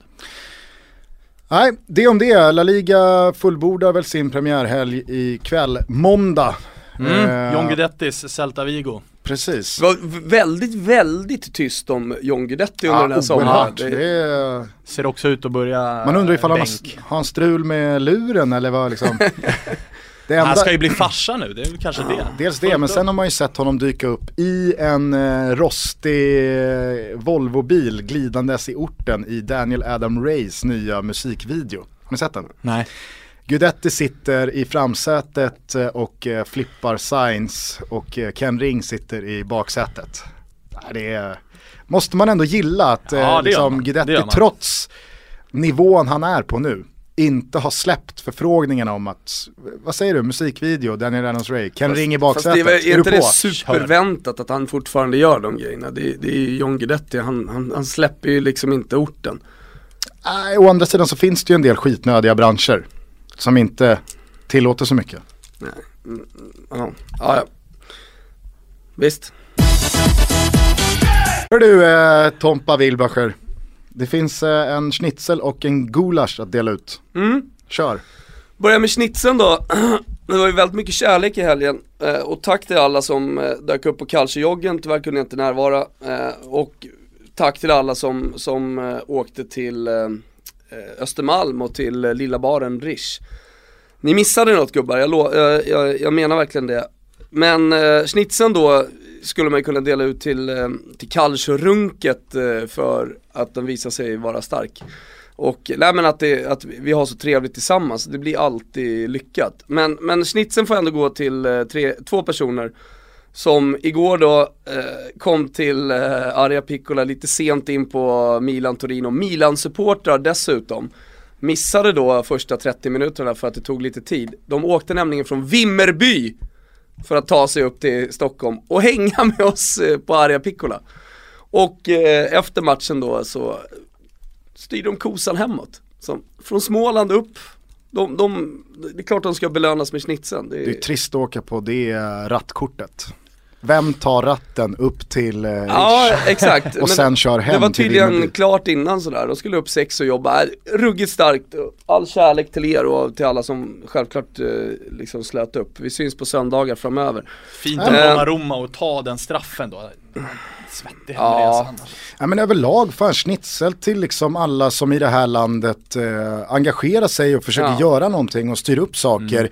När nu den svenska fotbollssäsongen om två månader är slut, ja men då kommer en lång mörk vinter eh, av en jävla massa fotboll i utlandet. Men, men det, det som är helt tydligt att det liksom, den internationella fotbollen, den består inte bara av Zlatan Ibrahimovic i Manchester United och det är det man blir varse liksom när man gör de här grejerna och det, det, det, det känns också upplyftande. Eh, två killar, Napoli-killar går, unga, unga som, som kommer dit. Alltså det, det är inte bara Zlatan Ibrahimovic, jag skiter i vad de säger om tv-tittarsiffror. För jag är helt övertygad om att man fortfarande kan göra saker med, med, med andra rättigheter också. Ehm, och eh, ja, där, där jag tv-cheferna emot mig men, men jag är helt övertygad om att man kan göra grejer om man tänker utanför boxen.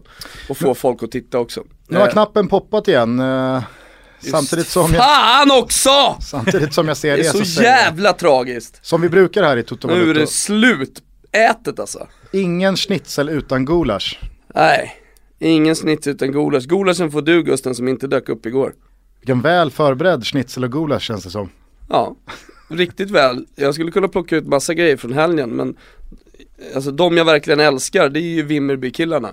Och den jag verkligen hatar är ju dig. Okej. Har man inkasserat sin första gulasch i alla fall. Mm. Kul. Eh, någonting annat du vill eh, plocka upp här? Innan vi börjar runda av. Bra sammanfattning. Nej men det- det är samma spår egentligen. Jag dök ju upp där på Birka Heja Sportbar sent. Jag jobbade ju till 22 men hann ändå se jag kom precis efter att eh, Higuain gjorde det avgörande målet vilket ju var extremt skönt för det hade man ju inte velat se live så att jag hann förbereda mig på de hånskratt som det bjöds på. Eh, men ja, cred till Solo Calcio-gänget som Ja. fortsätter styra upp det bra i, i Vasaparken med grill och, och Andys frukt som eh, bidrog med, med liksom eh, käk och allt sånt. Så jag var inte där, jag var där förra året men eh, fortsätt, fortsätt med det. Vi är ju Svanemar eh, sponsrade av Andys Frukt och eh, där pågår ett projekt som heter Un Altro Giro, har du följt det?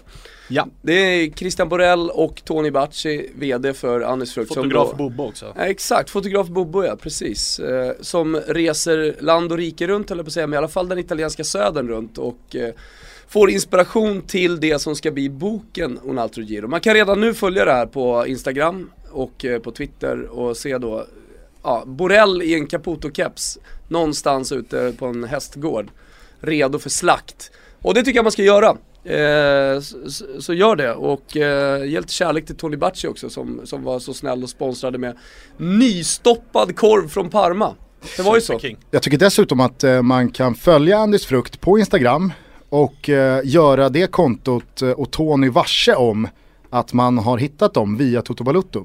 Så att man någonstans eh, konkret eh, påminner och eh, gör det solklart för Tony att eh, det Vi- bär frukt Vi det här har, ju, sammanhanget. vi har ju en liten grej på gång som kommer framöver med eh, Andys frukt eh, som jag tror folk kommer uppskatta. Men Mm. det tar vi framöver.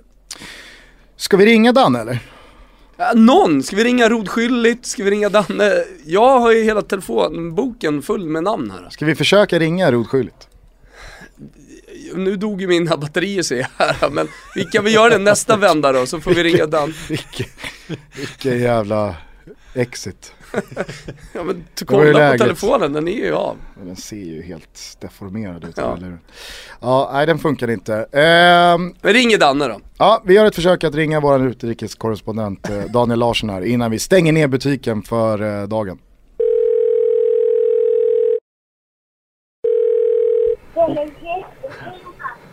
Du får den. Har vi, har vi crashat rätt in i eh, ett besök på leksaksaffären där fotbollsproffset eh, Daniel Larsson inte kan hålla sig från att plisa äldsta sonen? Precis så är det. Han har blivit lovad att gå till skolan idag. Men det var en missuppfattning som... Eh, ja, det var inte alls vårt fel utan vi blev lovade idag. Men nu är det ändrat till första september. Det är svårt att förklara det för en femåring bara. Du Danne, du är ju Toto Baluttos utrikeskorrespondent. Eh, vad, vad, vad har hänt i helgen som du skulle rapportera lite från, från utlandet så att säga? Ja, alltså det som är den stora storyn här är väl att eh, ett bröllop bombades av ett barn vad det verkar. Ja. I Gaziantep där du befinner dig. Eh, inte just d- där och då men. Men i min stad ja. Ja. Ja, det är för jävligt. Men hur, hur, kä- hur, kä- hur känns det? Alltså du är ändå, du bor ju ändå där. Det känns helt jävligt faktiskt. Eh, Det går inte att komma ifrån. Även om det inte skedde liksom inom en radie där vi kunde känna av det så är det ändå i våran stad och på något sätt otroligt nära. Jag vet ju att eh, det senaste året eh, som du har varit där så har du ju hela tiden befunnit dig åtta mil från Aleppo. Men du har känts ungefär lika nära det där kriget som jag. Det här känns ju som eh, att eh, det har krupit närmre. Ja, verkligen. Jag satte väl ord på det. Men hur, ta- hur tacklar du situationen då med, med, med det? Alltså, hur tänker du? Ja, alltså det är jävligt svårt att, att göra något konkret åt det. Jag står ju under kontrakt eh, och de vill inte släppa mig och för att man ska kunna åberopa rädsla så krävs det mer. Tragiskt nog. Det ska, det ska vara mer tragik liksom. Vad, finns det något eh, konkret sagt? Alltså en dödssiffra eller avstånd eller eh, är allting godtyckligt? Jävligt luddigt alltså. Det är, det är ju Fifa och Uefa som ska vara involverat i, i sådana beslut också. Så det, det hade varit en lång process. Och eh, känns inte särskilt rimligt att jag ska kunna genomföra det. Nej, det är alldeles oavsett jävligt pissigt. Pissig start också på ligaspelet. Uh, Gensler Birlig är borta igår, förlust 2-0. Ja. Vad uh, kan du säga? Ja. ja. Vad kan du säga om uh, dels matchen och dels uh, laget Gaziantepspor? Ehm, ja, matchen var en, en väldigt ensidig historia där vi inte hade någonting att sätta emot. Eh, ett Gensler som väl är ett tippat mittenlag ungefär. Men eh, det, det framstod som nog som att vi spelade i två olika ändar av tabellen. Eller eventuellt till och med i två olika divisioner. Eh, vi var inte riktigt redo för den uppgiften. Och är inte det heller med, med truppen som vi har just nu. Känns det som du går en, ett positivt år till mötes här? Eh, ja, nej det har väl inte börjat skitbra. Nej. Du kanske, kanske får göra som Gusten och Svanemar här i studion. De är arbetslösa. Ni kanske ska gå till Arbetsförmedlingen tillsammans. Ja, det är ett alternativ såklart. Mm. alltså, det fin jobb finns ju alltså. Ja. Bara man vill. Jag och Svanemar hänger gärna med Danne till leksaksbutiken och pekar på det vi vill ha. ja, men du, du är så välkomna så. Det kan vi göra ändå. Nej, men det känns ju som att eh, presidenten och klubben Gaziantepspor till och med har växlat upp inför den här säsongen i strul och icke infriade löften och sådär. Det känns som att eh, det är inte bara ett gammalt rykte att Turkiet är ett jävligt struligt fotbollsland. Nej, det, det blir väl på nytt för varje dag i princip. Olika händelser som sker. Uh, Vad då typ? Uh, vi skulle åka buss från vår anläggning till flygplatsen här inför matchen. Så, uh, den ordinarie bussen åker ju alltid till uh, destinationen vi ska spela på dagen innan. För att vi ska kunna ta oss omkring där. Så uh, fick vi uh, en, en lite äldre buss, snällt sagt. Från... Uh, ja. En gammal SL-buss från 60-talet. Ja, men någonstans där. 70 kanske. Mm. Eh, men på väg till flygplatsen så... It broke down fyra gånger. Var ni ute och knuffade på? Vi var inte ute och knuffade på. Utan det var andra som eh, tog hand om det. Men tankar att vi ska veva upp de här jävla liftarna också? Till slut då så en kilometer ungefär från flygplatsen så stannade den. Alltså För gott. för gott tror jag. Ja. Så då stod vi där eh, 22 minuter innan planen skulle gå. Eh, och så skickade de någon eh, buss från flygplatsen som fick komma och hämta oss längs motorvägen. Men jag måste bara fråga dig då, när bussen eh, bryter ihop för fjärde gången och för sista gången och du vet att det är en kilometer kvar till flygplatsen, ni står mitt ute på Bosporen där och har inte ens en buss, ni har 2-0 i röven i premiären och ni har ett halvt Nej, det lag. var ju innan matchen där. Okej, det här är innan matchen då. Skitsamma, när du kliver ur den bussen, vad, vad, vad, vad har du i huvudet då? Vad tänker du? Vart är du någonstans mentalt?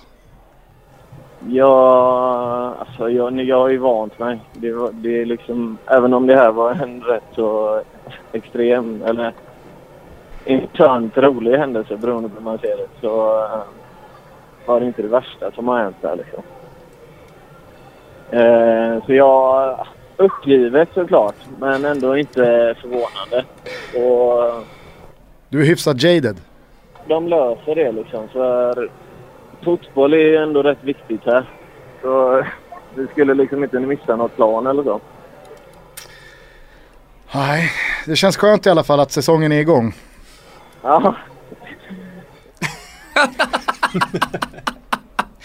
Nej men vi är väl extra glada att eh, säsongen eh, är igång och eh, Toto Balutto-säsongen är igång och att du som utrikeskorrespondent är med på tåget. Men- Eller med på bussen kanske vi ska säga. Den här bussen stannar fan inte fyra gånger per Det timme. blir en intressant säsong känner jag att- följa här på Toto Balotto och, och, allting som sker nere i Gaziantep. Absolut. det- ja, vi kan nog ha några trevliga minuter där. Har du, har du haft några liksom, ögon och öron någon annanstans än i Turkiet? Eh, Tänker som du ändå är utlandskorrespondent och täcker hela världen åt oss. Eh, just senaste veckan har jag varit väldigt fokuserad på det, men jag kommer öppna upp andra fönster här nu också. Ja, härligt, härligt. Det har ju varit en del eh, fokus på din eh, lillebrorsa senaste tiden här. Ni vill också prata om honom ja? Alla ringer där. Tjena Danne, fan är... Du, brorsan, hur är det med han egentligen? Du, innan, innan vi får, alltså det här, det här är helt sant. Uh, Jakob uh, Gustafsson, min uh, gode vän och fellow romanista. Han jobbade ju på Bet365 i två år innan han flyttade till Stockholm i våras. Eh, och då berättade han i helgen om eh, när din eh, morsa ringde honom, för han satt i supporten på Bet365. Hon skulle nämligen regga ett konto för att kunna se då Eredivisie, den holländska ligan. Ah, ja, för att visas på... Exakt, Bet365. där kan, där kan hon se Heerenveens matcher. Och eh, då fattade ju Jakob ganska tidigt att eh, det här var eran mamma. Eh, så att eh, han eh, hade frågat då någonting i stil med eh, du, du ska inte, jag, jag ska inte visa dig hur man gör för att du kan se turkiska matchen också. Var på eran mamma hade sagt så här. Nej, jag vill egentligen bara se Sams matcher. Det där är sånt ljug. nej, nej, nej, nej, alltså. Det här är 100 procent. Nej, nej. Sluta nu. De har ju för fan en turkisk box hemma och kollar på mina matcher. Ja, ja. Det är sy- syn på om den boxen. De lever för sin förstfödde. Men ha, har eh, Janne Andersson ringt den? Till mig? Ja. Tjena Danne, Janne här. Har du Sams nummer? Pulsen går upp där nere på leksaksbutiken. Fan nu är det, nu får jag ändå chansen alltså. Nu är Erkin out, men nu är det min chans. Nej, det, det har jag inte gjort. Eh, Det kommer, det kommer. Fortsätt kämpa hör Så du, du kommer, det kommer, det kommer. jag lägger i här borta. Ja, det är helt rätt. Eh, strålande. Eh, vi, eh, vi hörs eh, i eh, nästa avsnitt. Ja, gör vi absolut. Och sen så kan väl jag bara få uppmana dig att eh, om du vill så är det ju bara att du eh, skickar över lite bilder som jag spelar ut i hashtaggen eh, Totobalutto. Så kan man följa våran utrikeskorrespondent i livet. Ja men eh, verkligen, gör det. Kanske till exempel när bussen pajar så snappa en groupie då med laget. Det är kul. Ja. Det ska jag absolut eh, hålla i, i minnet här. Ja men det, det tycker jag blir strålande. Hälsa familjen och eh, hoppas att eh, det inte smäller igen i det där jävla landet. Det får ni gärna hålla tummarna för. Det gör vi. Bra, Ciao. Bra då. ciao! Det är dags att börja avsluta veckans första avsnitt av eh, Toto Balutto. För att eh, det är ju nämligen så Thomas att eh, vi är ju ingen podd som kommer ut eh, likt stenålderspoddarna en gång i veckan, eller hur? Nej, så är det inte. Utan vi kommer ut eh, förhoppningsvis två gånger i veckan. eh, Ibland kanske tre. Vi vet inte riktigt. Men viktigt också att vi, vi har ingen speciell dag. Utan eh, vi, vi tänker nytt här. Precis, och det kan ju vara till en fördel att veta då att om man prenumererar då på våran podd, i synnerhet då via podcaster, iTunes, då kommer avsnittet direkt när våran superproducent Kim Wirsén har fått upp det. Ja men det är tydligen så. Annars kan det dröja lite så att eh, med fördel klicka på prenumerantknappen så ska det inte vara något bekymmer. Hörru, tack. I iTunes kan man lämna recensioner och betyg på podden. Tack till alla som har gjort det. Ja, Det, det, det är ändå en eh, vi har ju fem starka Anne Lavdic-stjärnor. Ja, ja har samma betyg som Higuain. Oavsett, men alltså kul att man ändå tar sig den tiden. Ja, engagemanget från alla våra lyssnare har ju varit eh, helt jävla underbart den här veckan och man blir verkligen ödmjuk, stolt, rörd och oerhört peppad på att fortsätta detta nya projekt i våra liv. Så att eh, Toto Balutto har fått en flygande start. Mycket tack vare alla er som har lyssnat. Ett stort jävla tack från oss. Tack också till Kristoffer Svanemar som blev vår eh, premiärgäst. Tack själv, vilken jävla ära. Vad händer i veckan? I veckan är det ett eh, fotbollsderby på söndag som avslutar veckan. Annars så är man ju ute på marknaden nu, man är ju bossman. Eh, Ni, ni två kanske 5 i borde, 3-ragg, så jag ni, väntar på att två, det ringer. ni två kanske borde ta varandra i handen och gå ner till Arbetsförmedlingen och göra något med era liv. Kan man inte få nog av dig så är väl Fotboll United en bra kanal att följa. Så är det. Tycker man om spel eller bara är intresserad utav eh, fotboll i allmänhet så Ja men grejer det måste man ändå säga eftersom jag hade en liten rant här mot alla som ska hålla på och tippa.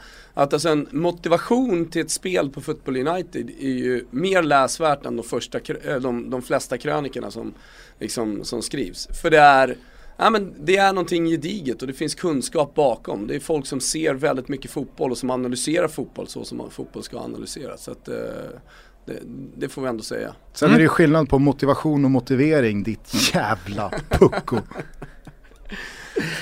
Eh, hörni, Motivationen slut nu. eh, vi hörs alldeles eh, strax igen. Eh, det är ju bara några få ligor kvar, sen så är det full patte på den här fotbollssäsongen och det gör oss extra glada. Följ hashtaggen, följ våra konton och eh, fortsätt eh, sprida vårt gospel. Så tackar jag Gusten Dahlin för mig, tack till Kristoffer Svanemar och lämnar över det sista ordet till Thomas Wilbacher som ska Tack OS! Tack det som har varit OS och självklart så måste vi gå ut på en hyllningslåt till den största av dem alla. Och i och med det så sätter jag ju också en rejäl jävla punkt för det här, de här olympiska spelen. Kingston Town! Rätt till dig, Usain Bolt. Wow. Wow, wow, wow, wow. Wow, wow, wow, wow. Wow, wow, wow, wow.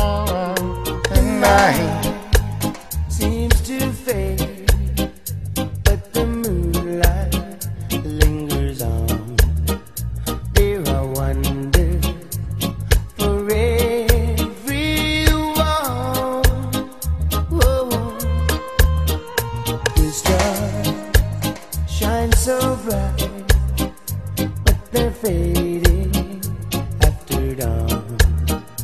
There is magic in Kingston Town. Oh, Kingston Town, the place I long to be. If I had your I would give it away just to see